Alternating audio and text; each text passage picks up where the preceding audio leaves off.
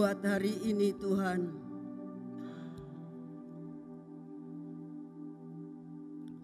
Kami mengalami perjumpaan dengan Engkau. Buat malam hari ini Tuhan adalah malam titik balik di mana kami boleh mengenal siapa Engkau yang sebenarnya. Biarlah malam hari ini Tuhan adalah malam di mana kami mengambil suatu keputusan untuk meninggalkan akan perkara-perkara yang lama dan masuk dalam suatu era yang baru. Karena kami tahu kedatanganmu sudah amat sangat singkat. Dan tidak sia-sia Tuhan. Pada masa anugerah ini. Pada masa roh kudusmu masih ada.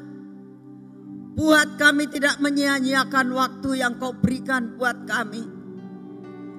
Bapa malam ini Tuhan biar merupakan suatu malam penentuan.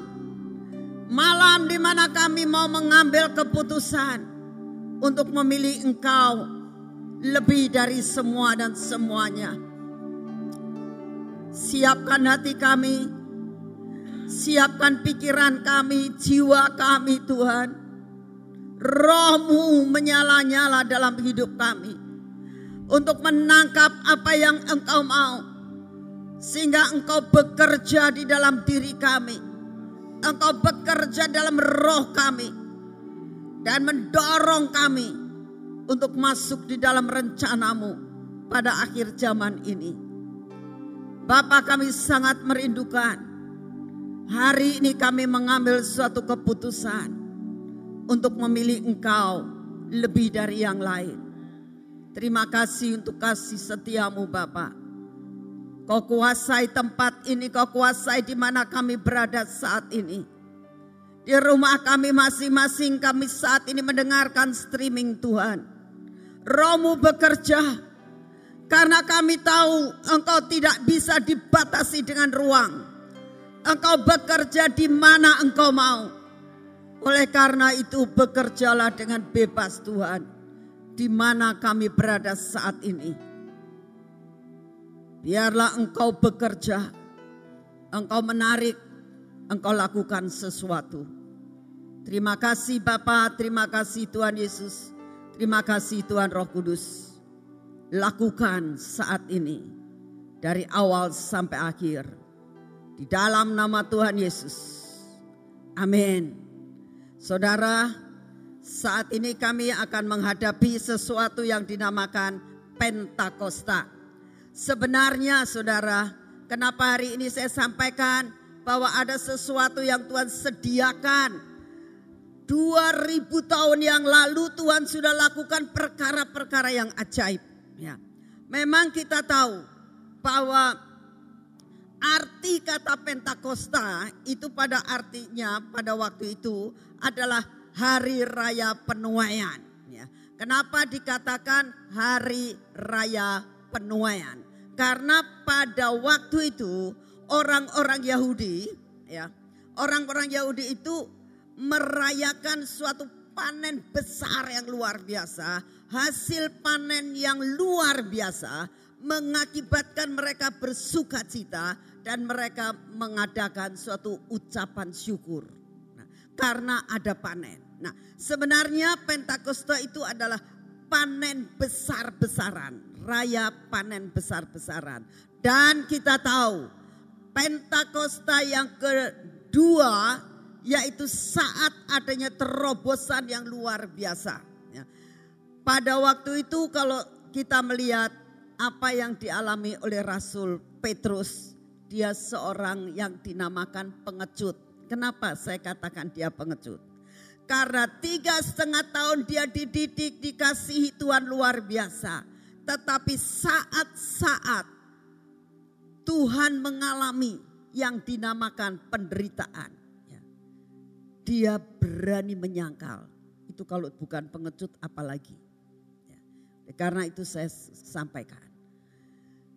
Orang yang seperti Petrus yang dapat dikatakan dia seorang pengecut, ya, seorang yang takut, tetapi saat terjadi Pentakosta, saat Roh Kudus menguasai dia, dia menjadi pahlawan yang luar biasa.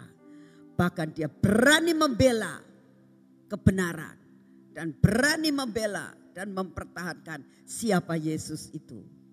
Di mana letak rahasianya? Pentakosta. Ya. Arti daripada Pentakosta itu hari yang ke-50. Karena apa? Sejak Yesus bangkit, ya, 40 hari Yesus ketemu dengan murid-muridnya. Yesus menyatakan aku hidup. Aku tidak mati lagi. Aku hidup dikatakan. Dan sesudah itu Yesus naik ke surga. Dan Tuhan katakan, sepuluh hari kemudian. Ya, memang Tuhan tidak mengatakan sepuluh hari. Tuhan katakan, tinggallah engkau di Yerusalem. Ya. Aku akan menurunkan roh penolong. Roh yang luar biasa yang menolong engkau. Ya. Dan dikatakan pada saat itu mereka menanti-nantikan akan keturunan Roh Kudus. Jadi kita tahu bahwa dengan keturunan Roh Kudus, kepenuhan Roh Kudus, Pentakosta itu sebenarnya itu terobosan. Itu penjebolan luar biasa. Karena sejak kepenuhan Roh Kudus, apa yang terjadi? Terjadi berita keselamatan sampai ke ujung bumi. Itu dari mana? Dari Pentakosta pertama kali.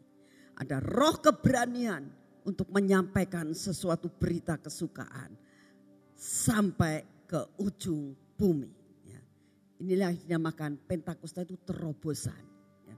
Pentakosta itu sesuatu hal yang ledakan yang luar biasa yang tidak pernah dipikirkan. Itu terjadi karena apa? Karena ada kuasa yang tidak diberikan oleh dunia. Dan hari ini ya kita akan menyaksikan bagaimana kuasa itu sangat luar biasa. Kita akan baca pertama kali dari kisah para rasul Fatsal yang kedua. Kita baca ayat satu dan ayat yang kedua. Ya. Ketika tiba hari Pentakosta, sebetulnya hari itu adalah hari panen raya. Hari raya orang Yahudi yang dirayakan luar biasa karena mereka merasakan berkat yang sangat luar biasa, yang sangat spektakuler mereka merayakan. Tapi tepat pada hari itu adalah hari yang ke-10. Saat itu Tuhan katakan, "Jangan tinggalkan Yerusalem."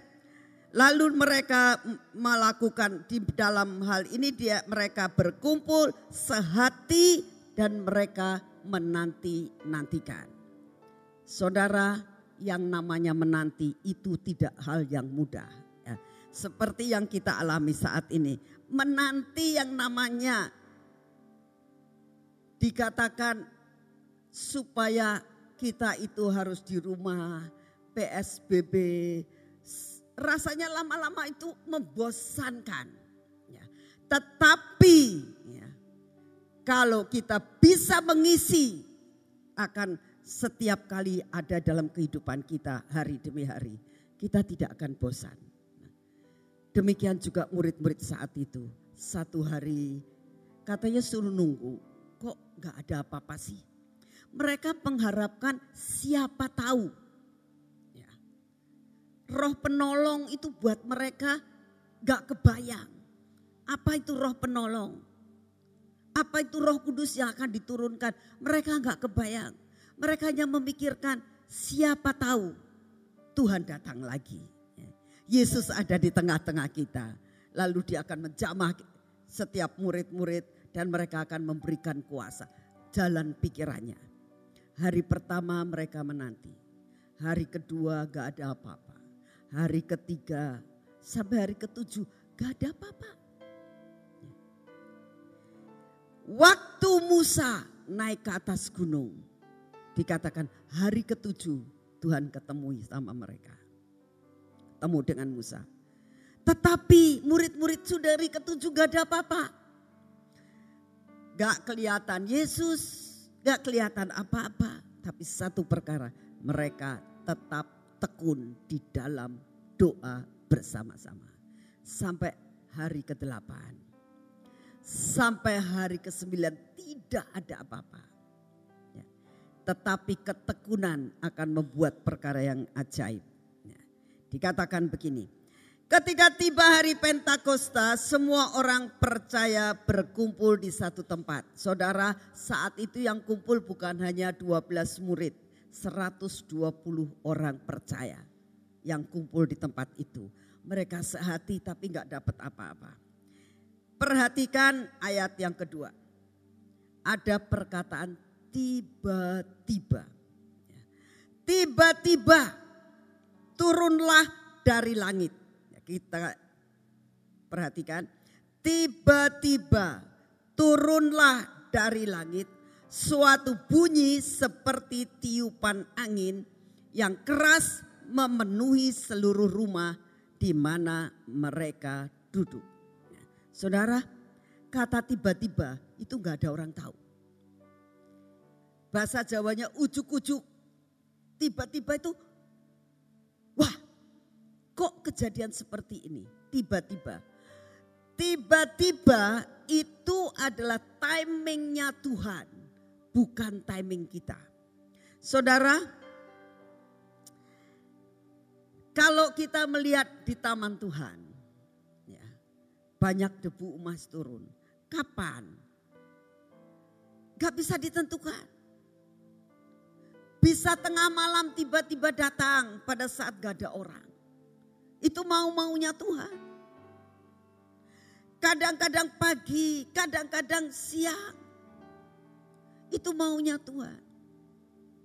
Kita nggak bisa, Tuhan turun ke debu emas, turun ke debu emas, tiba-tiba debu emas turun. Tidak bisa. Tiba-tiba. Ya. Saudara harus tahu, sebentar selesai kebaktian ini, saya ajak semua yang streaming, semua yang ada saat ini, yang mendengar akan berita ini. Saya ajak saudara untuk bertemu dengan Tuhan secara pribadi. Jangan mengatakan, oh nanti ini kan mau ada acara Pentakosta, nanti akan terjadi tiba-tiba ada angin yang keras. Belum tentu, saudara. Memang Tuhan itu datang di tempat waktu itu tidak masa Pantekosta. Pada masa itu ada bunyi seperti tiupan angin keras. Ada bunyi seperti tiupan angin keras. Tapi saudara saat mau ketemu dengan Tuhan sebentar setiap setelah kita kebaktian ya. Jangan pergi, jangan-jangan nanti ada wuh begitu. Jangan mikirkan perkara itu tapi konsentrasi dengan Tuhan. Karena Tuhan bisa datang dengan seribu satu cara. Yang penting kamu bisa tahu Yesus ada. Saudara. Ya. Saudara tahu kalau kita lihat ya. Pada saat Adam dan Hawa sedang berjalan di Taman Eden. Lalu dikatakan ada angin sepoi-poi. Dan saat itu Adam dan Hawa tahu Tuhan sedang berjalan di taman itu. Anginnya sepoi-sepoi. Bukan angin yang dikatakan menderu dengan keras. Saat Elia sedang bersembunyi dikatakan. Ya, di dalam gunung Lalu Tuhan katakan, keluar kamu. Ngapain kamu di situ? Saat dia keluar, dikatakan ada gempa bumi. Tuhan gak ada di situ. Lalu ada angin badai, angin puting beliung. Tuhan tidak ada di situ. Tapi saat ada angin sepoi-poi, dia tahu Tuhan ada. Kenapa? Bukankah ada sesuatu hal yang yang aneh. Tiba-tiba ada gempa bumi. Tiba-tiba ada puting beliung. Kenapa Elia bisa tahu kalau di situ Tuhan tidak ada? Yang ada saat ada angin sepoi-poi. Demikian juga sebentar kalau kita mulai masuk di dalam bersama dengan Tuhan. Ya. Setiap orang mempunyai pengalaman yang sangat berbeda. Tapi saya berdoa malam ini dengan tanda apa pun engkau dan saya mengerti dia ada. Amin. Itu merupakan suatu ketetapan. Ya. Seperti yang dialami oleh murid-murid. Tiba-tiba ada angin yang sangat keras sepertinya. Tapi bukan berarti angin yang benar-benar saudara. Saya teringat pada sekian puluh tahun yang lalu lah. Ya. Waktu itu ada kebaktian di Benihin di Jakarta. Ya.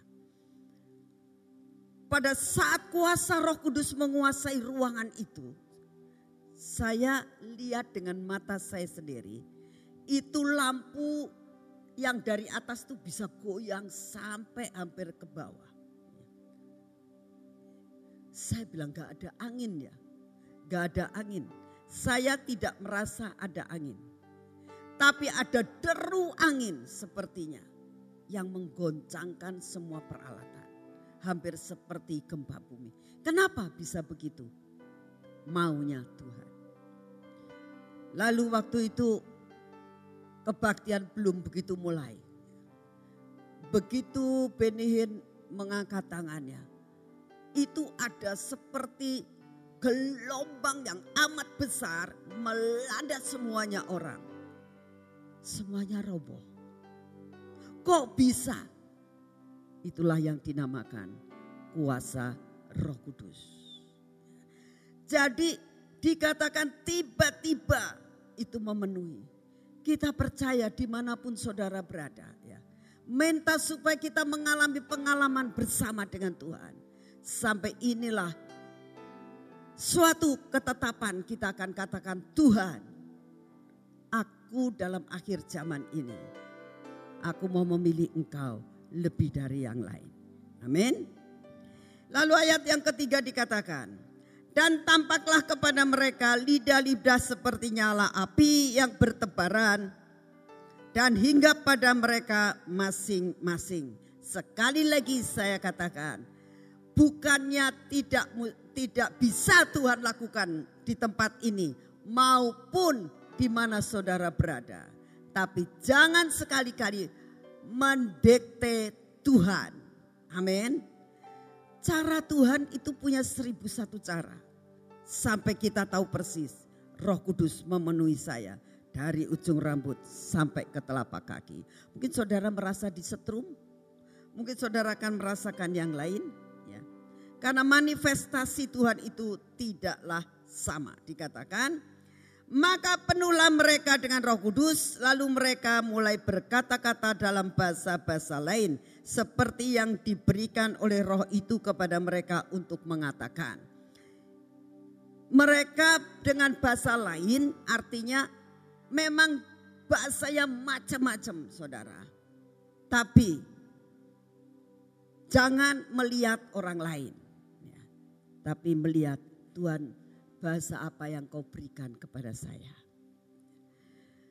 Itu bahasa yang akan kita pakai nanti di dalam kerajaan surga. Sampai Tuhan akan memberikan kita bisa belajar bahasa yang dinamakan bahasa surga. Amin. Saya yakin, saudara, saat orang-orang ini kepenuhan, orang lain bisa mendengar, oh ini bahasa ini, bahasa itu, bahasa ini, bahasa itu. Tapi saudara sendiri tidak mengerti itu bahasa apa yang saudara katakan. Itulah yang dinamakan bahasa surga nanti bakal kita di surga. Jangan dikira kitanya itu bahasa surga bahasa apa. Ya kita ngomong aja sepertinya kita bahasa Indonesia. Tapi ternyata orang lain mendengar itu bahasa surga. Itulah yang dinamakan keajaiban yang tidak bisa dimengerti dengan pikiran. Saudara, pada waktu saya masih SMA, saya kayaknya baru SMA kelas 1 atau kelas 2 ya, saya lupa. Saya sekolah di Semarang. Nah, saya ini orang GKI. Di Semarang saya ke gerejanya juga ke gereja GKI, juga ke gereja GKMI. Orang Protestan, ya. Dan dari kecil tidak pernah diajarkan tentang bagaimana Roh Kudus itu bagaimana bekerja dan sebagainya, ya. Tapi cici saya itu orang Isa Al-Masih, saudara. Gereja Isa Al-Masih. Suatu saat hari Minggu dia katakan, kamu ikut ke gereja saya aja. Gitu. Saya bilang, jadi saya enggak ke GKI, enggak kamu ke gereja saya. Jadi akhirnya saya ikut gereja di tempatnya cici saya di Pringgading, di, di Jalan Pringgading, yaitu di gereja Isa Al-Masih. Nah, cici saya bilang begini, kamu duduk karena saya ikut paduan suara. Jadi cici saya ikut paduan suara dan saya duduk. Jadi cici saya masuk seperti kalau orang pelayanan di sini. Jadi saya duduk di pojok paling belakang. Nah, karena baru pertama kali ke gereja di gerejanya ya cici saya itu. Nah, gereja GKI pada saat itu tidak ada yang tepuk tangan, ya, tidak pakai band, ya seperti yang kita lakukan di tempat ini pakainya piano, bukan pakai uh, keyboard, pakainya piano. Ya. Saya duduk di pojok, tapi pada saat saya duduk saya itu merasakan ada sesuatu hal yang rada beda. Saya bilang kok rada beda ya kebaktiannya. Tapi saya belajar untuk duduk dengan tenang. Di tengah-tengah khotbah, ya, saya itu sedang berdoa. Di tengah-tengah khotbah saya itu mata saya itu seolah-olah dipaksa buat merem. Dipaksa. Seperti saya tidak ngantuk. Tapi saya dipaksa kayaknya merem. Gitu. Jadi saya pakai mata saya terpejam. Lalu apa yang terjadi? Saya itu merasakan, ya, bukan mendengar, merasakan ada angin yang lewat di saya. Ada angin set ke sana, set ke sini saya nggak berani melek, saudara. Mata saya ketutup, rasanya nggak berani melek. Saya diam aja, ini apa ya? Saya rasa-rasa, ini apa? Tapi ada damai sejahtera memasuki hidup saya. Tapi saya nggak tahu kalau itu roh kudus. Karena nggak pernah diajarin tentang hal seperti itu. Ya. Sampai selesai khotbah, selesai ke, kebaktian, saya pulang, saya nggak berani ngomong sama cici saya. Ya. Karena masih ada sedikit yang namanya kesombongan gitu. Saya bilang, itu sih gerejanya cici gitu. Gereja ini saya kan orang di, di GKI gitu ya. Saya cuma begitu saja, sudah. Tapi damai itu nggak bisa hilang. Terus ada dalam diri saya. Apakah saya bisa bahasa lidah waktu itu? Nggak bisa. Tapi ada sesuatu damai yang tidak diberikan oleh dunia saat itu. Nah sekarang sesudah saya kepenuhan roh kudus, sesudah saya bisa berbahasa lidah, baru saya, oh waktu itu tuh kayak saya dilawat oleh roh kudus. Cuma saya nggak ngerti. Nah, jadi saudara harus tahu, itu pengalaman bersama dengan Tuhan. Nah, sekarang kita akan uh, baca tentang kuasa Roh Kudus itu sangat luar biasa. Ya. Tetapi kalau kita mulai tidak menghargai Roh Kudus, tidak menghargai saja itu sudah dosa. Kalau tidak menghargai, apalagi menghujat Roh Kudus, itu sangat berbahaya sekali. Kita akan baca di dalam Matius 12 ayat 32 itu tentang penghujatan terhadap Roh Kudus, menentang Roh Kudus. Itu sangat-sangat berbahaya. Waktu itu saya tidak menentang, cuma saya merasakan kok damai ya.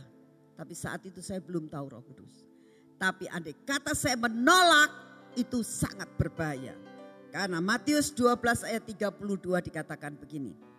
Apabila seseorang mengucapkan sesuatu, mengucapkan saja lo ya, mengucapkan sesuatu menentang anak manusia, ia akan diampuni. Tetapi dikatakan jika ia menentang Roh Kudus, ia tidak akan diampuni.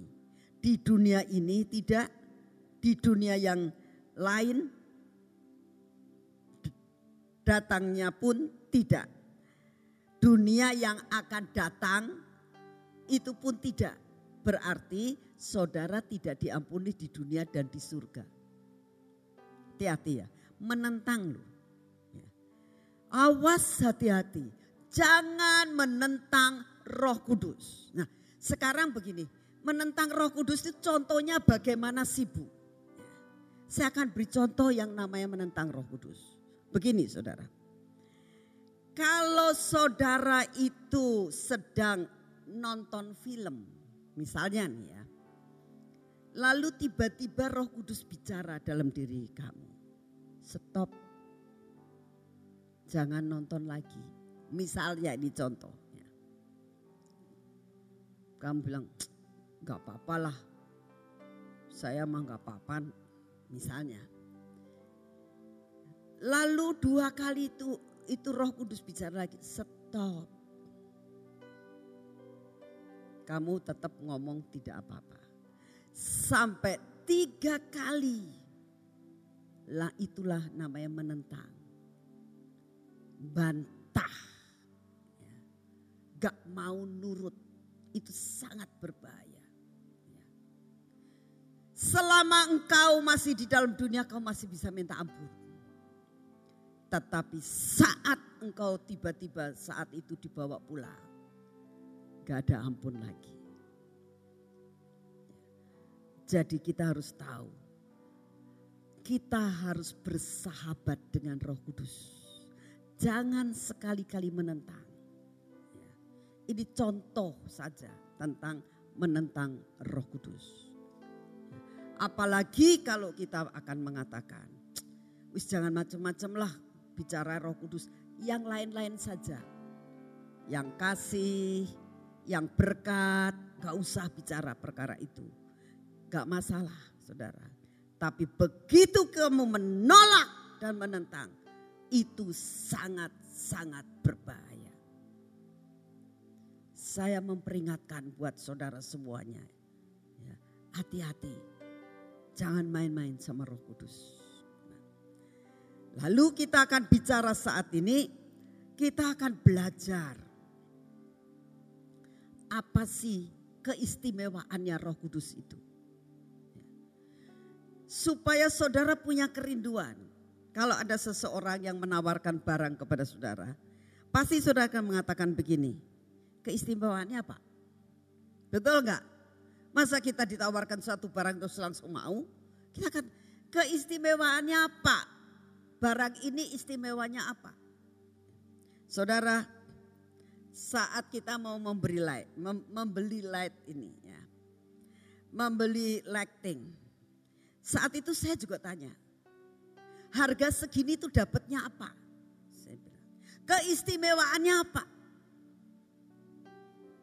Setiap orang yang menawarkan barang kita akan tanya, keistimewaannya apa? Saudara kalau membeli mobil, saudara akan tanya keistimewaannya apa. Nah, hari ini saya ingin menyampaikan sesuatu keistimewaan daripada Roh Kudus. Saya sebagai seseorang anak Tuhan, saya tawarkan kepada saudara. Kenapa saudara saya tawarkan Roh Kudus? Karena Roh Kudus adalah perkara yang sangat-sangat penting buat hidup saudara selama di dunia ini. Oleh karena itu mari kita belajar. Sampai kamu punya kerinduan. Aku pengen roh kudus.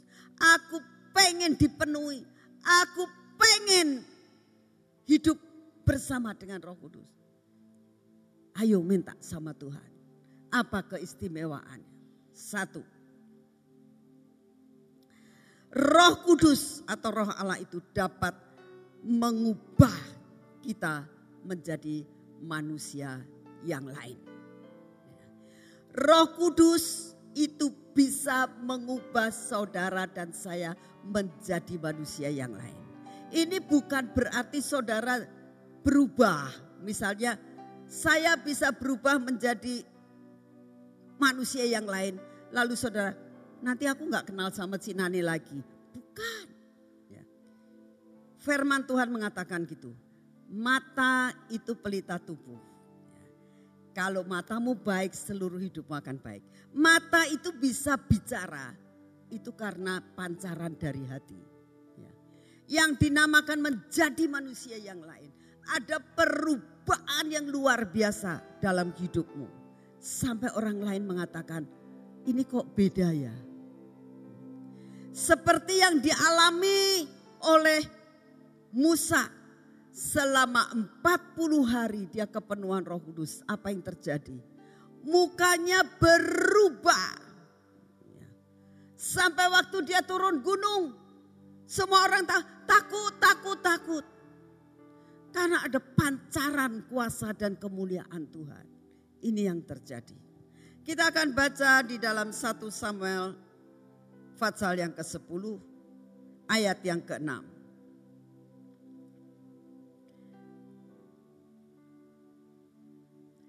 maka roh Tuhan akan berkuasa atasmu.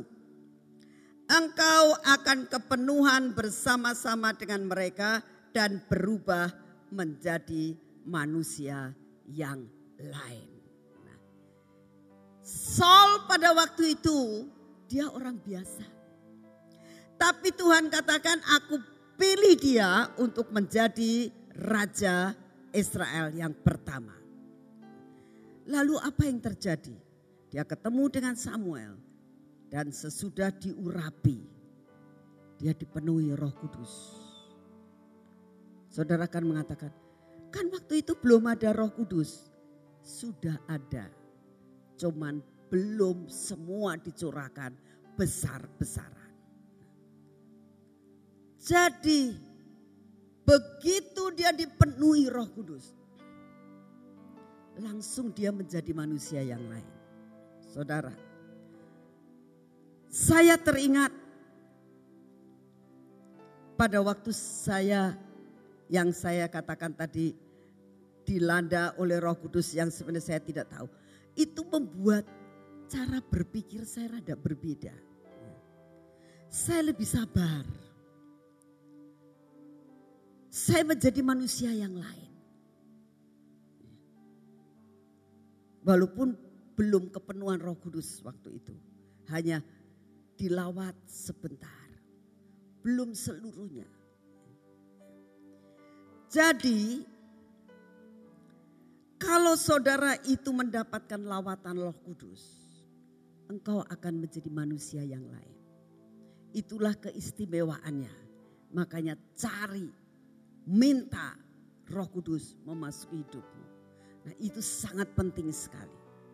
Hal yang kedua dikatakan kalau engkau kepenuhan roh kudus apa yang kita kerjakan itu pasti berhasil. Pasti berhasil. Gak ada failnya. Gak ada yang namanya jatuh ke sandung. Karena apa? Karena kuasa roh kudus.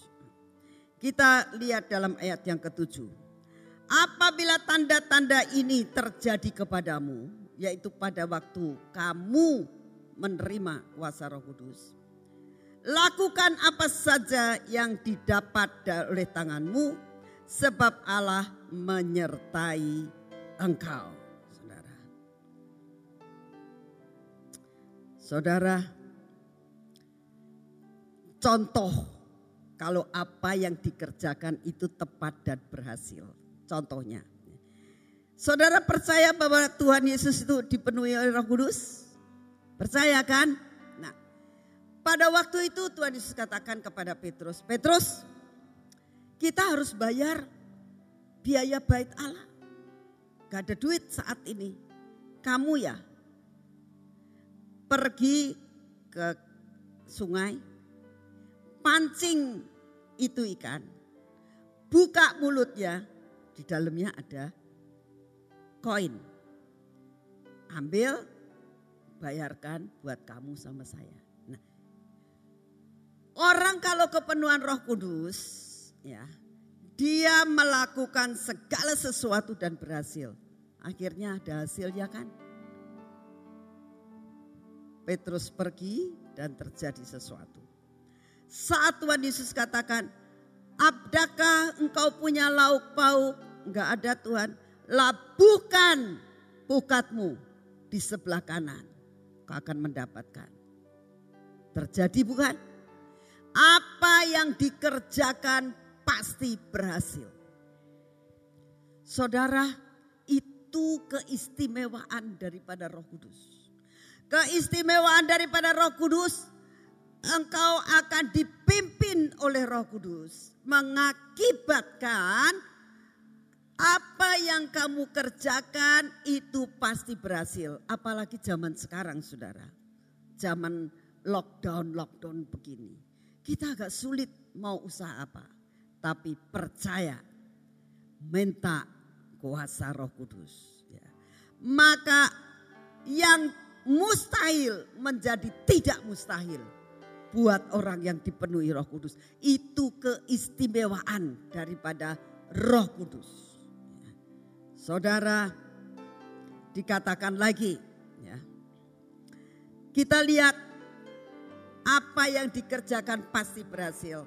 Contohnya adalah Pak Yusak. Saya ikut Pak Yusak jadi saya tahu persis cara kerjanya. Saat Pak Yusak itu detik-detik mau pindah rumah, gak belum dapat rumah. Saya masih ingat jam 9 pagi Pak Yusak itu keluar dari rumah. Ya, dia ngomong, kamu doa ya supaya saya dipimpin oleh roh kudus. Sehingga apa yang saya kerjakan menjadi berhasil. Kita semua doa. Pak Yusak naik motor. Saya masih ingat, sangat-sangat ingat. Ya. Motor Vespa warnanya biru. Saya keluar, Pak Yusak motornya dibawa keluar. Saya melihat Pak Yusak mulai naik motor. Beloknya ke kiri. Saya tahu karena rumah belok ke kiri itu menuju jalan besar. Ya. Saya tidak tahu apa yang dilakukan. Tetapi selesai daripada itu. Setengah dua belas tepat Pak Yusak datang. Dengan membawa kunci dan katakan, sudah dapat rumah. Saya bilang, betul, iya. Sekarang kamu pergi dulu ke sana. Rumahnya di Jalan Gatot Subroto. Ya, ini kuncinya. Kamu buka karena rumah itu kosong. Kamu bersihkan, kamu sapu. Nanti sebentar saya akan datang dengan membawa barang-barang. Nah, saya nggak sempat tanya, saking sukacitanya malamnya. Ya. Selesai semuanya sudah ditata, kita masih sudah bisa tidur di rumah yang baru, semua sudah bersih. Pak Ishak bilang, sekarang waktunya kita doa. Masih kumpul beberapa anak-anak persekutuan saat itu.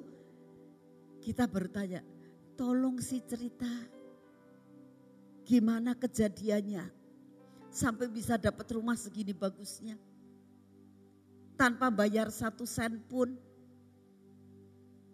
Pak Yusak pergi ke saat pergi tidak bawa duit pada saat itu. Hanya membawa iman dipimpin oleh roh kudus. Lalu Pak Yusak cerita, saya cuma bilang, Tuhan roh kudus pimpin aku. Tiba-tiba roh kudus ngomong belok ke kiri, dia ikut belok ke kiri. Belok ke kanan, dia ikut belok ke kanan. Sampai pada saat ini mau ke mana Tuhan? Kok nujunya ke atas dago? Ya. Terus menuju ke Cimbiluit. Ya. Terus tiba-tiba Tuhan ngomong, belok kanan nih lo rumahnya. Pikirnya Pak Yusak, itu rumah yang mau dikasihkan. Rumahnya gede banget. Tapi pada saat dia ketok pintu, dia masuk, dia cuma ngomong, kok punya rumah yang mau dijual? Oh ada. Kok kamu tahu? dia bukan orang Kristen. Ya saya cuma tanya aja, engkau dari mana? Saya dari Citarum kata Pak Yusak. Mau cari rumah? Iya. Tapi rumah saya ada di Gatot Subroto, nggak apa-apa gitu. Kok tiba-tiba mau cari rumah minggu-minggu begini? Gimana sih ceritanya? Lalu Pak Yusak cerita. Pada saat dia cerita, istrinya nguping. Dikatakan bagaimana dia butuh rumah, sedang dibatalkan hari Sabtunya dan dia mau tidak mau siang ini dia harus pindah. Istrinya tiba-tiba keluar. Dia ngomong, "Pah, tulungin, Pah." Kenal tidak? Istrinya coba ngomong, "Pah, tulungin, Pah." Sampai mengatakan, sudah begini ya Pak, saya mau nolong Bapak. Saya tidak tahu Bapak itu siapa, saya baru kenal juga. Ya. Tapi istri saya mengatakan suruh nulungin, jadi saya akan tulungin. Istrinya masuk dan bawa kunci dan mengatakan begini. Pak gini saja, ini kuncinya Bapak bisa ke sana. Saya kasih waktu tiga bulan Bapak boleh tempatin rumah itu tiga bulan tanpa bayar, tanpa apa pun. Kalau Bapak senang, Bapak boleh beli. Bapak tidak senang, kembalikan saja nggak apa-apa. Itu tidak cari, tidak ngomong tentang harga, tidak ngomong, dipinjemin saja. Saya kasihan sama Bapak. Saya pinjemin tiga bulan. Bapak boleh membeli, boleh tidak pikir harga nanti hari Senin saja. Yang penting Bapak sekarang nanti malam bisa tidur enak. Saudara, itu kalau bukan pekerjaan Roh Kudus, masa bisa seperti itu? Tepat. Ya. Apa yang dikerjakan menjadi berhasil. Hanya karena apa? Pertolongan daripada kuasa Roh Kudus. Saudara jangan tidak percaya. Inilah keistimewaan daripada kuasa Roh Kudus. Amin. Saudara, yang ketiga dikatakan Roh Kudus itu roh yang penghibur. Firman Tuhan mengatakan di dalam Yohanes 14 ayat 26 dikatakan gini. Tetapi penghibur yaitu Roh Kudus. Dikatakan Roh Kudus adalah roh penghibur. Yang akan diutus oleh Bapa dalam namaku dialah yang akan mengajarkan segala sesuatu kepadamu dan akan mengingatkan kamu akan semua yang telah kukatakan kepadamu. Ya. Saudara saya akan ceritakan bagaimana pengalaman itu roh penghibur itu Roh penghibur adalah roh yang menghibur saudara. Itu tidak seperti orang lain menghibur. Tidak seperti orang tua orang tua kamu menghibur. Tidak seperti istri kamu menghibur. Tidak seperti suamimu menghibur. Roh penghibur ini benar-benar yang berasal dari roh kudus. Itu membuat selap di dalam hati tidak akan bisa hilang. Itu roh penghibur dan itu kuasa Roh Kudus. Salah satu contoh saya akan sampaikan tentang kesaksiannya AL. Beberapa hari saya sih udah ngerti, tapi dia saya baru ngerti ya kesaksiannya dia saat kemarin ini dia uh, bikin kesaksian bersama dengan Jack Lee ya. Nah dari situ saya bisa lihat, oh ternyata Sampai sebegitu ya itu anak. Dan bagaimana kuasa roh kudus menghibur dia. Dia cerita begini, pada saat saya umur 9 tahun dia katakan. Hidup saya penuh dengan kebahagiaan. Mama papa saya luar biasa baiknya. Sayang, saya punya rumah yang bagus ya. Semua apa yang dibutuhkan oleh kami berdua semua dipenuhi oleh papa mama. Ya. Sampai suatu saat saya mulai membuat suatu kado buat mama saya. Karena dua hari lagi dia akan ulang tahun. Saya sudah benar-benar mempersiapkan, membuat sendiri. Dia buat sendiri itu yang namanya kadonya. Ya. Dengan usaha sendiri, dengan anak umur 9 tahun. Itu Sekaila. Ya. Dia mengharapkan mamanya akan ulang tahun, dia akan buat surprise luar biasa. Ya. Tapi yang didapat malam itu mamanya sedang pergi doa di Bekasi sama-sama saya. Ya. Malam itu terjadi kecelakaan dan mamanya meninggal. Dia nggak tahu. Besoknya ya, Ibu Iin datang ke rumahnya. Dia ngomong gini, El, mau nggak mau Tante Iin harus ngomong. Ada apa Tante? mamamu kecelakaan sama engkau. Dia berpikir dia begitu meledak nangisnya. Tapi dia nggak berpikir mamanya mati. Dia masih berpikir pasti di rumah sakit. Karena dia kata, ibu ini ngomong engkau ada di rumah sakit. Dia berpikir mamahnya ada di rumah sakit. Dan dia katakan nggak apa-apa kado ini akan saya bawa ke rumah sakit saat nanti mama saya ulang tahun. Tapi saat dia dikatakan mamanya meninggal, dia bilang, gelaplah seluruh hidupku. Gelaplah masa depanku. Saya tidak tahu saya harus berbuat apa-apa. Dibawalah dia ke rumah ke rumah duka bersama dengan papahnya. Waktu itu papahnya peluk dia dan katakan, enggak apa-apa ya El. Tapi masih ada papa kok. Papa akan mendampingi kamu. Tidak usah takut.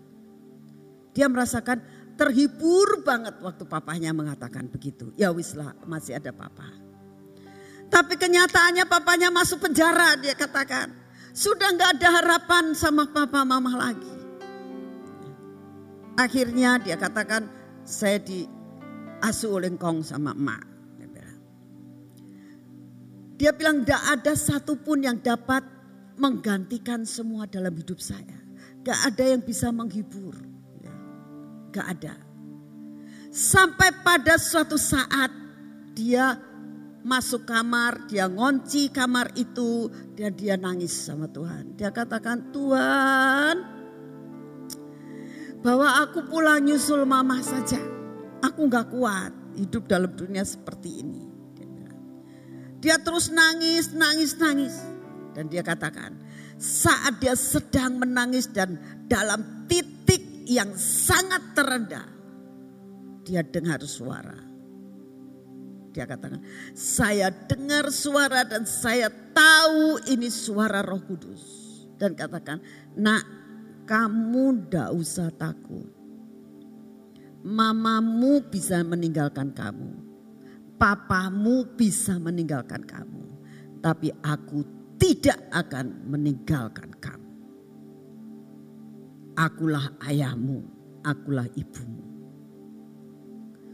Dia katakan saat suara itu mengambil semua penderitaannya. Itulah yang membuat dia katakan itu penghiburan yang tidak diberikan oleh dunia. Sedangkan sebetulnya saudara, saudara-saudara dari mamanya menawarkan kepada dia, udah El gak usah takut, gak usah khawatir kamu tak jadikan anaknya tante ya, tak bawa ke Belanda. Tak sekolahkan di Belanda. Kamu gak usah takut masa depanmu. ya Dua-duanya tak bawa ke Belanda. Kamu tak sekolahkan, tak anggap anak. Itu bukannya satu penghiburan. Sangat penghiburan. Tapi dia katakan, itu tidak bisa membuat saya terhibur. Yang bisa membuat saya menjadi penghibur saya adalah Roh Kudus yang bicara dengan saya. Saudara tahu kuasanya begitu luar biasa. Dan itu yang saya tawarkan buat saudara pada hari ini. Ya, kejar Roh Kudus itu. Ya. Kejar Roh Kudus. Saudara, itulah yang dinamakan betapa dia adalah roh yang menghibur. Lalu dikatakan, Roh Kudus adalah roh penolong dan roh kebenaran. Roh penolong dan roh kebenaran. Ayat yang ke-16 dari Yohanes 14. Aku akan minta kepada Bapa dan ia akan memberikan kepadamu seorang penolong yang lain supaya ia menyertai kamu selama-lamanya. Saudara ngerti yang namanya penolong, penolong itu yang selalu lebih kuat dari kita, betul nggak? Saudara nggak akan bisa menolong kalau saudara tidak lebih kuat. Ya.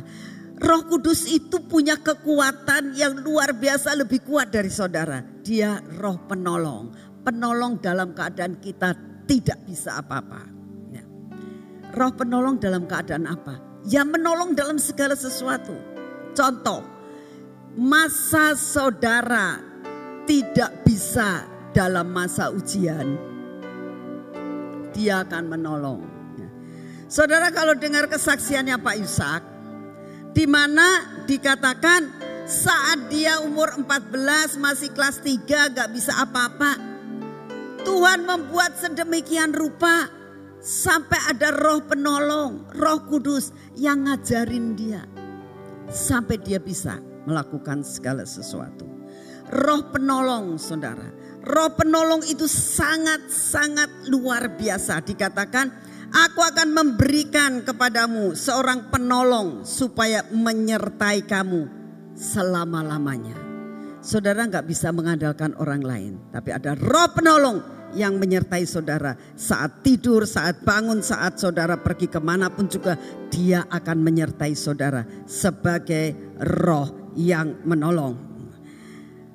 Ayat 17, yaitu roh kebenaran Dunia tidak dapat menerima dia sebab dunia tidak melihat dia dan tidak mengenal dia. Tetapi kamu mengenal dia sebab ia menyertai kamu dan akan diam di dalam kamu. Roh penolong. Saudara, saya berkali-kali mengalami yang dinamakan dengan roh penolong ini. Suatu saat kami berangkat ke mana ya? Kalau pokoknya di Asusa Street pada saat itu kita mau masuk ke dalam uh, pengen cari rumah awal pertama kali terjadi lawatan Roh Kudus saat itu. Ya. Cari di Google akhirnya dapat. Oh jalan Asusa Street nomor sekian. Nah. Nyari nyari nyari nyari nggak ketemu ketemu. Tapi akhirnya Tuhan Roh Kudus tolong pimpin kami sampai ketemu. Akhirnya ketemu saudara. Sampailah kita di rumah awal pertama kali terjadi lawatan Roh Kudus di situ. Sampai menyebar seluruh kota Asuset saat itu. Nah, jalan di Asuset itu ternyata tutup. Jamnya sudah selesai, nggak nggak gak bisa lagi. Jadi kan aduh gimana ya.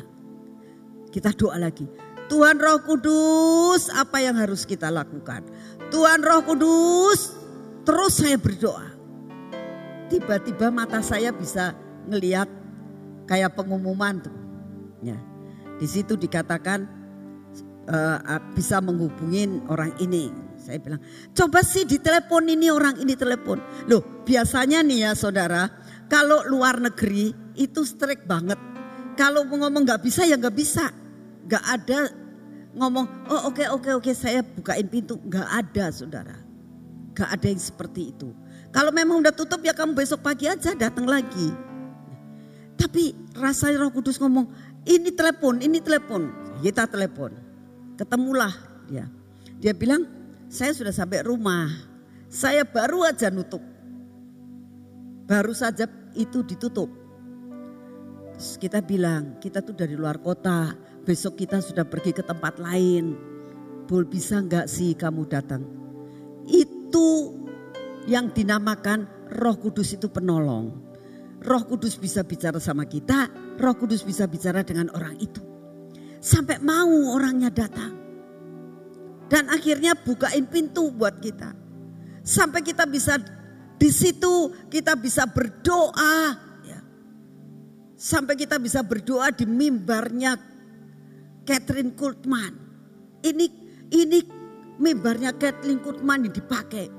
Saya bilang, aduh Tuhan terima kasih Tuhan kalau saya bisa melihat semuanya ini. Itu zaman apa? Tapi kita bisa berdoa dan kita merasakan hadirat Tuhan yang luar biasa. Kok bisa ada roh penolong? Roh penolong itu selalu menolong. Terus yang kedua, kita itu mau mencari daerah lawatan dari Billy Graham. Das, di mana Graham pertama kali membuat suatu lawatan, membuat suatu KKR yang luar biasa di daerah itu. Kita cari saudara. Cari di Google Map ketemu. Lalu kita cari tempatnya kan, titiknya dapat dikatakan. Gak ketemu saudara. Dua kali kita kelilingi gak ketemu. Tiga kali kita kelilingi gak ketemu saya bilang ini tempatnya di mana? Ya di sini tempatnya. Lah kok nggak ketemu? Lah ya nggak tahu kenapa kita bisa nggak ketemu. Sekali lagi kita berdoa Tuhan Roh Kudus tolong kami sampai ketemu. Kami mau ambil itu lawatan dari Billy Graham. Keliling lagi. Eh ketemu Sedangkan sebetulnya nih ada pelang gede sekali. Kok bisa gak kelihatan sih tadi? Saudara tahu. Iblis selalu ingin menjegal akan segala sesuatu dalam hidup saudara. Tapi kalau saudara mendapatkan roh penolong itu, yaitu roh kebenaran, dia akan memimpin kita dalam kebenaran. Tidak ada satupun yang bisa menghalangi. Akhirnya ketemu. Saya bilang, kok bisa ya? Kita bisa nggak ketemu tiga kali keliling-keliling. Sedangkan ini gede banget. Besar sekali itu. Pelangnya besar sekali. Bisa nggak kelihatan. Tapi satu perkara, roh penolong bisa melakukan segala sesuatu yang tidak bisa menjadi bisa. Amin. Itu keistimewaan daripada Roh Kudus. Ya. Lalu kita akan melihat sesuatu lagi dikatakan roh penolong itu juga kalau lupa. Ya. Orang yang suka lupaan ngomong, Tuhan ingatkan saya. Tuhan akan mengingatkan seorang anak yang sering kali lupa. Yaitu kalau mengerjakan segala sesuatu. Ya. Sudah belajar, lupa lagi. Sudah belajar, lupa lagi. Minta roh untuk mengingatkan saudara. Punya otak yang pinter. Ya. Saudara saya mau kesaksian akan hidup saya. Ya. Saya bukan anak yang pinter saya mau kasih tahu. Seringkali saya sudah katakan, saya dari 10 saudara, saya anak nomor 7.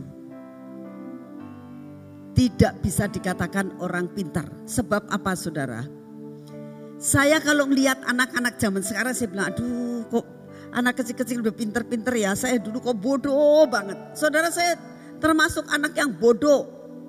Saya tidak pernah dari SD kelas 1 sampai dengan kelas 6 rapot saya biru semua tuh enggak pernah.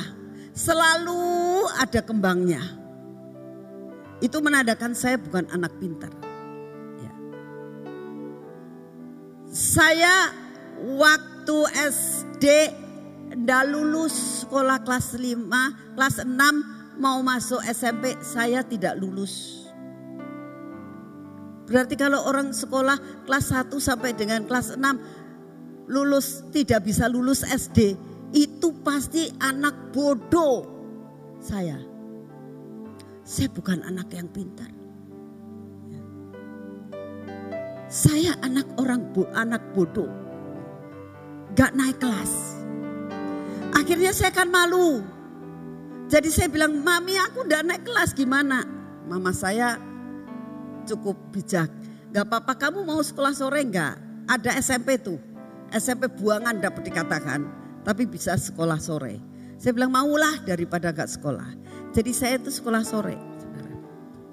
Ya. Sampai kelas 3 selalu ada merahnya. Sampai SMA saya termasuk anak yang bodoh di sekolahan. Sungguh. Buat orang-orang yang pernah sekelas dengan saya ya. Waktu SD dan SMP.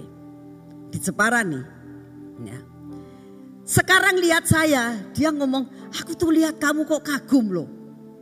Aku udah nyangka kamu bisa jadi orang kaya. Katanya kamu dapat suami juga biasa-biasa saja bukan orang kaya. Kok kamu bisa jadi orang kaya sih? Kok kamu bisa jadi notaris sih? Gak pernah mikir. Saya tahu SD kamu bodoh. Saudara. Saya kalau pulang ke Jepara, orang Jepara mengerti siapa saya. Tapi kenapa bisa sampai seperti ini? Sungguh saya tahu kepandaian itu dari Tuhan. Jadi kalau mulai lupa Tuhan sanggup mengingatkan itu semua karya roh kudus. Jadi bukan karena saya. Sampai begitu saya itu masuk mahasiswa. Ya. Sampai saya baru kenal roh kudus. Itu waktu saya SMA, mahasiswa. Lalu saya kepenuhan roh kudus. Sejak saya kepenuhan roh kudus. Tuhan ubahkan menjadi manusia lain. Cara berpikir saya berbeda. Otak saya diubahkan menjadi orang yang sangat pintar. Sungguh saudara. Saya sampai kagum dengan diri saya sendiri. Kok bisa ya? Yang saya dulunya SD begitu gobloknya. SMP goblok. SMA goblok saudara saya katakan benar-benar. Kalau saudara misalnya Pak Singgi itu masih hidup. Pak Singgi itu dulu adalah dia gurunya saya waktu SD. Jadi tahu persis gobloknya saya. Tapi dia pernah ngomong sama saya. Cuna aku tuh kagum sama Tuhan terhadap dirimu. Aku tahu kecilnya kamu. Aku tahu bodohnya kamu. Kalau kamu namanya berhitung gak pernah dapat lebih dari empat. Kok kamu sekarang bisa begini ya? Kok kamu sekarang bisa pinter ya? Bahkan memerintah dia sebagai karyawan saya. Aneh, dulu gurunya saya itu. Sekalipun cihu tapi itu guru saya. Dia tahu persis gobloknya saya waktu SD. Tapi begitu saya kepenuhan roh kudus. Tuhan mengubah semua dan semuanya. Sampai seperti sekarang. Tuhan percayakan macam-macam. Tuhan memberkati saya berkelimpahan. Orang ngomong apa saya sudah ngerti. Kamu mau, mau tujuannya mau ke sini ya. Ya udah ngerti. Saya bisa mikirkan perkara-perkara yang macam-macam. Sampai bisa Tuhan percayakan untuk melakukan segala sesuatu sampai sekarang ini. Bisa ngonseling orang, boro-boro ngonseling orang bodoh sayanya. Tapi Tuhan membuat sedemikian rupa. Itu karya roh kudus. Sejak saya penerima roh kudus kepenuhan. Saudara, teman saya, saya punya teman baik orang Jepara saya sejak SMP, SMA kelas 1, kelas 2, kelas 3 itu sekelas sama saya. Dia tahu bodohnya saya. kita sekolah sama-sama di Bandung, ya, satu endekos lagi. Ya. Lalu dia ngomong gini, kok kamu jadi pinter sih sekarang? Saya bilang nggak tahu saya kok kenapa bisa jadi pinter ya. Saya kagum dengan diri saya sendiri dan heran terhadap diri saya sendiri. Pada waktu itu ujian saya lulus dia nggak lulus.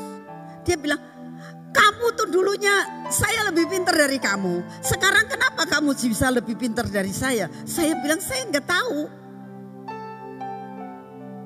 Saudara, begitu saya membaca sesuatu, langsung itu nyentel di tidak dalam diri saya. Tidak ada yang lupa.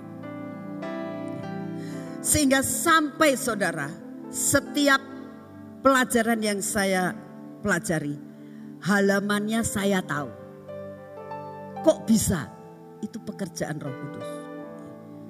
Sampai dosen saya itu manggil saya, saudara. Sampai dikatakan, sudah kamu kalau mau pulang, pulang saja. Sebab semuanya kamu pasti lulus. Jadi tingkat satu, tingkat dua, tingkat tiga, tingkat empat saudara. Saya itu setiap sembilan bulan, delapan bulan selesai ujian saya pulang ke, ke Jepara. Ya. Di Jepara sampai tiga bulan, empat bulan. Nah, waktu itu kan saya sudah punya pacar ya. Pak Yusuf tuh pacar saya dulunya. Dia ngomong gini, Aku tuh lihat kamu aneh, dia bilang. Orang-orang tuh, teman-teman kamu tuh, kalau punya pacar gak mau pulang. Seneng di Bandung bisa deket sama pacarnya. Tapi kamu kok aneh sih? Begitu selesai ujian, masa enak-enak, masa seneng-senengnya, kita bisa pergi jalan-jalan, kamu mesti pulang. Dan aneh kamu pulangnya. Begitu siang selesai ujian, malam kamu sudah pulang. Kapan kitanya pergi jalan-jalan? Saya bilang, saya pengen pulang. Sampai Pak Yusuf ngomong, kamu tuh orang yang aneh. Ya saya pengen pulang. Jadi nggak bisa apa-apa, perlu jadi istrinya, nggak bisa nggak bisa dilarang-larang. Begitu siang selesai ujian, malam saya naik bis malam pulang ke, ke, ke Jepara. Tiga bulan saya di sana. Baru balik lagi. Karena ada jaminan kamu tidak bakal fail. Sampai ditakut-takutin sama Pak Yusuf. Kamu cepat balik, siapa tahu kamu nanti ada yang yang ini, yang harus hair ya, harus ulangan kembali. Saya bilang, tolong aja lah nomornya saya sampai masih ingat nomor saya 2124 strip H. Ya. Itu nomor nomor uh, sekol, nomornya saya kalau mau ujian kalau pokok itu nomor mahasiswa saya ya. Saya coba ngomong, tolong kamu ke Parahyangan lihatkan tuh kalau ada pengumuman 2124 strip H lulus apa tidak. Dan dia selalu men, kamu sih dapetnya untung terus loh. Gak pernah itu kamunya dapat angka yang jelek. Dan selalu lulus. Siapa yang membuat semuanya itu? Karya roh kudus. Saya menghimbau buat anak-anak yang bodoh-bodoh nih ya. Jangan takut. Ya. Jangan takut ada Roh Kudus yang sanggup menolong kamu. Kamu bisa ngomong, Tuhan, kalau Ibu Nani sekarang bisa seperti ini kok, saya pun akan bisa. Percaya, Tuhan tidak mempunyai sesuatu dengan yang lain dibedakan. Kalau orang lain bisa, saya akan bisa. Kalau Ibu Nani saat ini bisa berdiri di sini, saya dulunya orang yang takut ketemu dengan orang, takut bicara dengan orang, tapi bisa khotbah satu jam lebih. Dari mana? Kalau bukan karya Roh Kudus. Bagaimana saya tidak sekolah teologi yang tinggi-tinggi? Kalau sekarang sih memangnya boleh bisa dapat sampai S2. Tapi sebetulnya semuanya itu karena karya Roh Kudus. Ya. Sekali lagi, ya, Roh Kudus itulah yang menjadi Roh penolong, yang memberi Roh kebenaran. Itu keistimewaannya. Yang keenam dikatakan begini, Roh Kudus itu jaminan untuk hidup saudara dan saya. Ya. Roh Kudus itu akan membuat kita dijamin. Efesus 1 ayat yang ke-14 dikatakan begini. Roh Kudus itu adalah jaminan bagian kita sampai kita memperoleh seluruhnya. Nih, jaminan sampai mendapatkan seluruhnya. Jadi begitu kita sudah sekali melangkah, sampai selama-lamanya kita akan dijamin oleh Tuhan. Siapa yang nggak mau? Zaman sekarang butuh jaminan, saudara. Dan jangan minta jaminan orang lain, minta jaminan kepada siapa? Roh Kudus. Dia jaminan dikatakan, yaitu penebusan yang menjadikan kita milik Allah untuk memuji kemuliaannya. Jadi jaminan keselamatan. Ya. Ada yang tanya gini, Bu kalau sudah dapat jaminan keselamatan pasti bisa selamat enggak? Belum tentu. Karena apa? Kalau kita berbuat dosa, apalagi kalau kita menentang roh kudus, nggak bisa masuk surga. Sekalipun ada jaminan keselamatan. Tetapi hari ini dikatakan Roh Kudus itu akan menjamin. Jadi siapa yang bisa menjamin engkau sampai mencapai garis akhir? Roh Kudus. Roh penolong, roh yang menjamin saudara. Kalau engkau minta kepenuhan roh kudus terus, setiap hari minta kepenuhan roh kudus. Saya jamin kalau kamu kepenuhan roh kudus, engkau tidak berbuat dosa. Akibat tidak berbuat dosa, engkau akan mencapai destiny dan engkau akan mencapai kerajaan surga. Amin. Itu jaminannya. Yang terakhir dikatakan, Roh Kudus itu roh yang takut akan Tuhan. Yesaya 11 ayat 2 dikatakan, Roh Tuhan akan ada padanya, yaitu roh hikmat, roh pengertian, roh nasihat, roh keperkasaan, roh pengenalan dan roh takut akan Tuhan. Tujuh roh Allah ada di dalam diri Roh Kudus. Kalau saat ini Tuhan memberikan hikmat kepada saya, memberikan pengertian, memberi bisa memberi nasihat, bisa perkasa. Itu semua karya Roh Kudus itu keistimewaan dari Roh Kudus. Oleh karena itu saat ini sebelum kita akan masuk ke dalam doa saudara. Ya, ayo kita sehati. Tekun. Nantikan roh kudus. Roh kudus yang mempunyai fungsi yang luar biasa. Keistimewaan akan datang kepada saudara dan saya. Kita akan masuk di dalam doa. Ya. Saya berdoa begini, buat saudara-saudara di mana pun saudara berada, baik yang ada di tempat ini maupun yang di mana pun saudara berada, berlututlah. Terutama buat orang tua gak usah berlutut. Kalau kakimu sakit gak usah berlutut. Tetapi kalau engkau masih sehat, berlututlah. Ngadep kepada uh, apa namanya kursi saudara masing-masing supaya lebih enak ya. Ngadep kur kursi tangannya taruh di kursi dan benar-benar kita saling berdoa bersujud di hadapan Tuhan. Masing-masing saya mau sendiri-sendiri ya. Jangan lihat yang lain jangan lihat kanan kiri. Jangan jangan. Minta supaya Roh Kudus seperti sesuatu. Hembusan angin maupun merupakan gelombang laut yang kau dengar pada saat ini. Ketemu dengan Roh Kudus, ketemu dengan Tuhan, minta dipenuhi, minta dipenuhi. Di mana pun saudara berada saat ini. Siapkan hati, siapkan pikiranmu. Jangan melihat yang lain,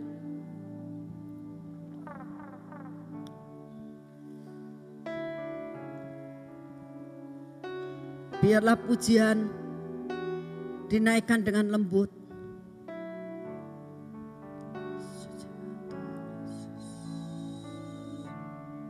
Minta roh kudus masuk memenuhi hidup kita.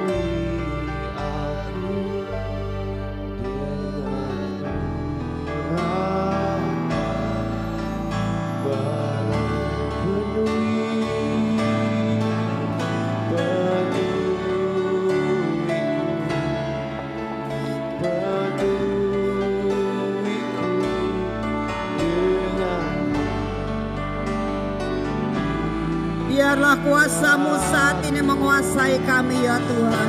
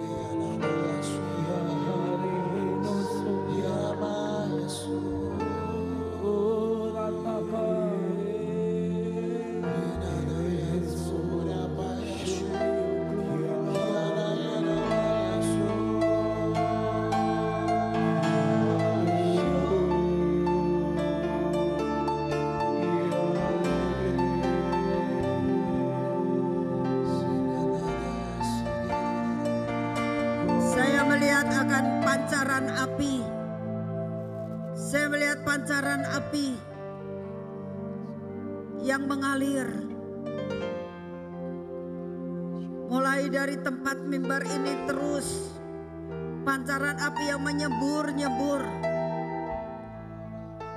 dan memenuhi akan saudara semuanya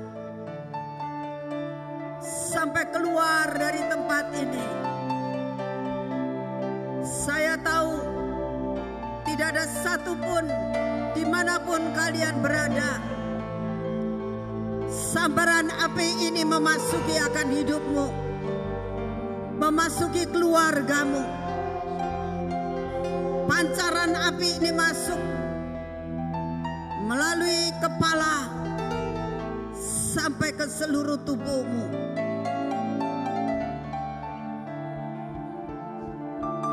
Terima kasih Tuhan Yesus. Engkau akan membuat kami Tuhan menjadi manusia yang lain. Kami tidak sama seperti pada saat kami datang.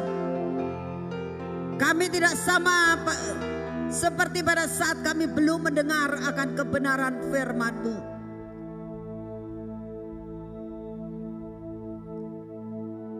Kami sudah dipenuhi. Kami sudah dibakar. Buat kami berjalan dalam kebenaran-Mu. Buat kami berjalan terus di dalam roh kudus-Mu sampai mencapai destiny kami. Jangan tinggalkan kami saat Engkau datang Tuhan. Biar kami boleh kau bawa pula. Selama tahun-tahun di hadapan kami. Buat kami mengejar Engkau. Hidup di dalam roh kudusmu. Mengalami terobosan demi terobosan menjadi berkat di mana Engkau tempatkan kami. Engkau memberkati akan setiap yang kami kerjakan. Dan kau menjadikan kami sebagai manusia yang lain. Terima kasih Tuhan untuk malam ini. Terima kasih Tuhan kami tahu firmanmu sudah berhenti. Tapi roh kudusmu akan kami bawa pulang. Kami akan bawa sepanjang hidup kami. Biar menjadi berkat untuk orang lain. Dalam nama Tuhan Yesus. Amin. Kita akan masuk dalam perjamuan kudus.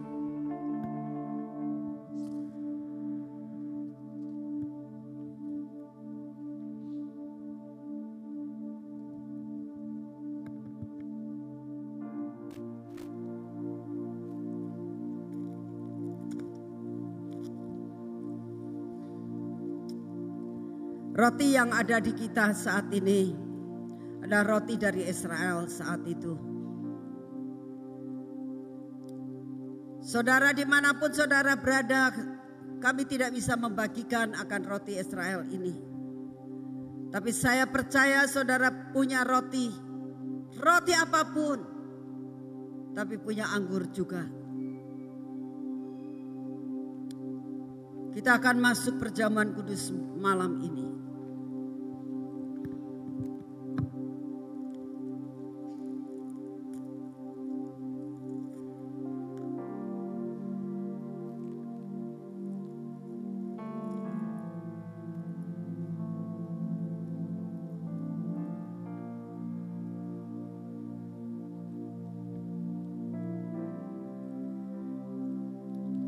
Mari kita angkat roti ini.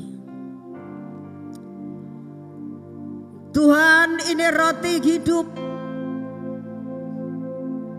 Roti yang dipecah-pecahkan untuk menebusan kami. Roti ini adalah lambang di mana engkau pernah hidup di dalam dunia.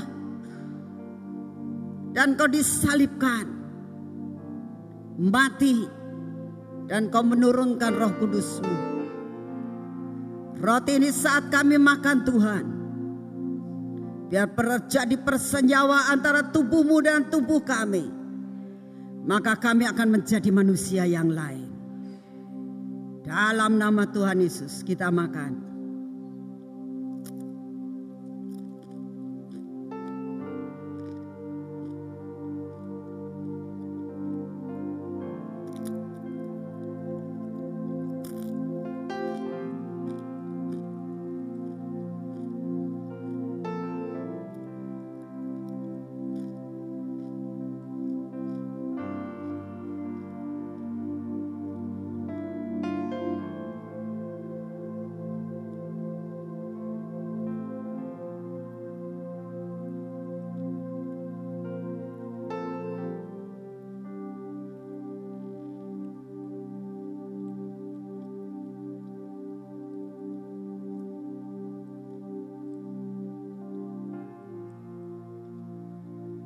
Tuhan ini anggur lambang daripada darahmu.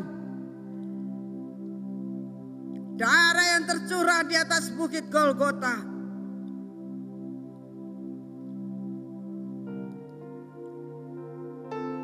Darah yang membuat kami boleh menganggap dan mengatakan serta memanggil engkau sebagai Bapak.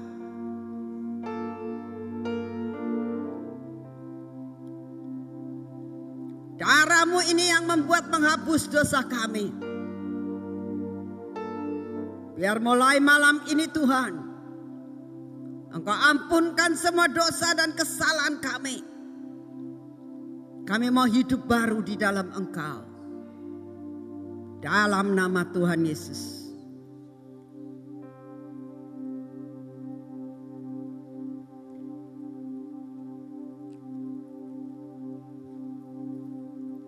Meteraikan Tuhan semuanya ini. Terima kasih buat anugerahmu yang luar biasa. Ini waktunya Tuhan. Di mana pun kami berada kami akan memberikan yang terbaik untukmu Tuhan. Kami akan memberikan persembahan kami. Melalui transfer yang harus kami berikan. Bicaralah engkau kepada kami Berapa yang kami akan berikan kepadamu sebagai rasa terima kasih kami kepadamu Tuhan. Bahwa engkau sudah memberikan roh penolong, roh kudus yang menyertai kami ke mana pun kami pergi.